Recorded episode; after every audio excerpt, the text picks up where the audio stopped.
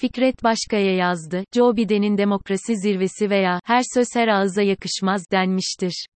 ABD, ikinci emperyalist savaşın sonunda tartışmasız bir hegemonik güç haline geldi. O kadar ki, bir başına dünya sanayi üretiminin yarıdan fazlasını sağlıyordu. Emperyalist savaşta Almanya, Japonya, İtalya çökertilmiş, İngiltere ve Fransa'da büyük kan kaybına uğramışlardı. Rotayı ABD'nin belirlediği, İngiltere, Fransa ve Japonya'dan oluşan yeni bir hiyerarşi ortaya çıktı. Samir Amin ona kolektif emperyalizm diyecekti. Kapitalizm emperyalizm peydahlamadan, emperyalizm savaşsız, hegemonyada düşmansız yapamaz. Eğer düşman yoksa, bir şekilde yaratılır. Savaş sonrasında düşman Sovyetler Birliği'ydi. Oysa, Sovyetler Birliği'nin herhangi bir yayılmacı emelleri yoktu.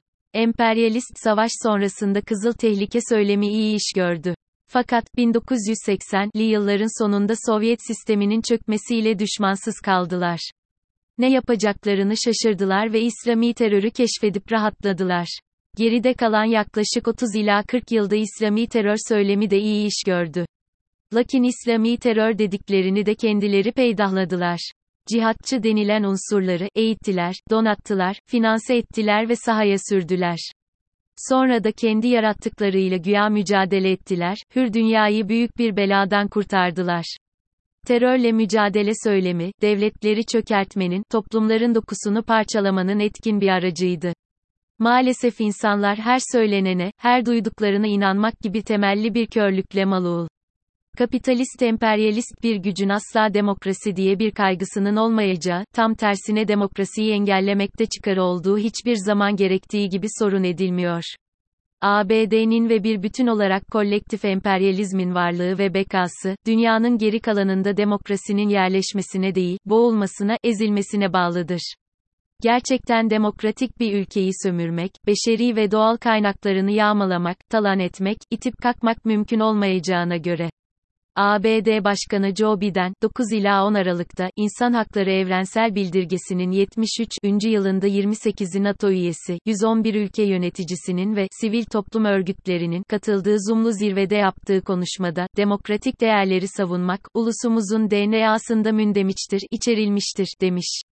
Doğrusu ABD tarihini birazcık bilenler ve geride kalan yaklaşık 70 yılda işledikleri insanlık suçları hakkında malumat sahibi olanlar için rahatsız edici bir söylem. Aslında, gerçek tevatür edilenden çok farklıydı. Nitekim, ABD'nin 1945'ten bugüne 30'dan fazla Asya, Afrika, Avrupa ve Latin Amerika ülkesinde çıkardığı savaşlarda ve peydahladığı hükümet darbelerinde 20 ila 30 milyon insan öldürüldü, 100 milyon kadarı yaralandı ve çoğu sakat kaldı. Yüz milyonlarcası da savaşların yan etkilerine, açlık, salgın hastalıklar, zorunlu göçler, kölelik, sömürü, doğal çevrenin tahribine maruz kaldı. Sadece Kanlı Kore, Irak ve Vietnam savaşlarında ABD silahlı kuvvetleri 10 ila 15 milyon insanın ölümünden doğrudan sorumluydu. Endonezya'da 1965'te ABD tarafından peydahlanan kanlı darbede, 500 bin ile 3 milyon arasında insanın katledildiği tahmin ediliyor. CIA'nın 5000 komünist militanın ve muhalifin isim listesini katil sürülerine verdiği de söyleniyor. Aslında uzağa gitmeye gerek yok. Demokrasi aşığı Joe Biden, 2001'de Senato Dış İlişkiler Komisyonu Başkanı iken, dönemin ABD Başkanı oğul George Bush'un Afganistan'a saldırı ve işgal kararını desteklemişti. Aynı şekilde 2002'de de Başkan Bush'un Irak'a saldırı ve işgal kararını da desteklemişti. 2007'de de Irak'ın parçalanması, Sanniler, Şiiler ve Kürtler arasında üçe bölünmesini öneren planı Senato'ya sunmuştu. Fakat hepsi bu kadar değil. 2009 ila 2017 döneminde Obama'nın başkan yardımcısı olarak Libya ve Suriye savaşlarının ve Ukrayna'da darbe girişiminin planlayıcısıydı. Bütün bu kararlarda aktif rol almıştı. Gelelim içerideki demokrasiye. İstatistikler ABD'de her yıl silahsız, çoğu Latin ve Asya kökenli bin kadar sivilin öldürüldüğünü ortaya koyuyor. Demokrasi şampiyonu ABD, Wikileaks'in kurucusu, ABD'nin savaş suçlarını teşhir eden gazeteci Julian Assange'ı, 175 yıl hapis cezasına çarptırmak için yoğun çaba harcıyor. Julian Assange 2010'dan beri İngiltere'de hapis. Maalesef dünya, demokratik kamuoyunun, J. Assange'a sahip çıkmakta sınıfta kaldığını söylemek gerekiyor. Velhasıl, J. Nokta. Esinç'e suçu ayıbı açık etmenin bedeli ödetiliyor.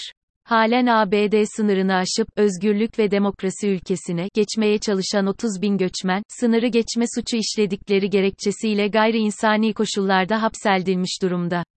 Bu arada 6 Aralık'ta İngiltere'de de dezenformasyona karşı demokrasiyi savunma hazırlık zirvesi gerçekleşti. Aslında bu, sözde demokrasiyi koruma ritoriğiyle, sosyal medyayı hizaya getirme operasyonundan başka bir şey değil. AKP de bu konuda hazırlıklarını sürdürüyor. Yakında bir gece vakti saraydan yola çıkan kanun teklifi, jet hızıyla meclisten geçer. Tabii demokrasinin bir gereği olarak. Nitekim Cumhurbaşkanı RTE, geçtiğimiz günlerde İstanbul'da yapılan Uluslararası Stratejik İletişim Zirvesi'ne gönderdiği video mesajda, özellikle sosyal medya mecralarının yaygınlaşmasıyla birlikte yalanın, üretilmiş haberlerin, dezenformasyonun hızla yaygınlaştığını görüyoruz. İkili bir denetim mekanizmasının olmadığı bu mecralardan yayılan bu tarz haberler sebebiyle milyonlarca insanın hayatı kararmaktadır. İlk ortaya çıktığında özgürlüğün sembolü olarak nitelenen sosyal medya, günümüz demokrasisi için ana tehdit kaynaklarından birine dönüşmüştür. Yükselen dijital faşizm ve yalan haber furyası karşısında bizim gibi dünyanın gelişmiş demokrasileri de teyakkuz halindedir, bir, diyor. Aslında Joe Biden'ın demokrasi zirvesine davet edilenler listesi de sorunlu. Rusya ve Çin davetliler listesinde zaten yok ama kimin neden, hangi kriterlere göre davet edildiği de muamma. Mesela Brüksel'e, AB'ye, sorun çıkaran Polonya davet edilmiş ama Macaristan Başkanı Orban listede yok. Türkiye bir NATO üyesi olduğu halde yok ama, Brezilya, Pakistan, Filipinler var. Filipinler, sivil toplum örgütü Freedom House tarafından demokratik ülke sayılmadığı halde. Aslında, listeye ABD'nin yakın ve orta vadede, müttefik olma ihtimali olan ülkeler dahil edilmiş görünüyor. Çinliler, zirvenin gerçek amacının, ABD'nin jeopolitik ajandası için demokrasi ritoriğinin araçlaştırılıp, bir silah haline getirilmesi, olduğunu söylerken haklılar. Koronavirüs epidemisi dünyayı kasıp kavururken, etkili bilimsel önlemler alınmazken, demokrasi şovu, pek işe yaramamış olmalı ki, birden daha etkili olacağını düşündüğü bir önleme başvurdu, Pekin kış olimpiyatlarını boykot etti. Boykot gerekçesi de Çin'in özel Uygur bölgesinde jenosit yapması, insanlık suçu işlemesi. Orada olup bitenlerin gerçekten jenosidal bir ilgisi var mı? Ona kim neye göre karar veriyor? Jenosidin bir tanımı yok mu? Aslında, demokrasi zirvesiyle iki şeyin amaçlandığını söylenebilir. Rusya'nın ve Çin'in şeytanlaştırılması ve zirveye katılan ülkelerin ABD'nin safında konumlanmasını sağlamak. Böylece Joe Biden'in seçim kampanyasındaki vaadi de gerçekleşmiş oldu. Bir karartma bana ait.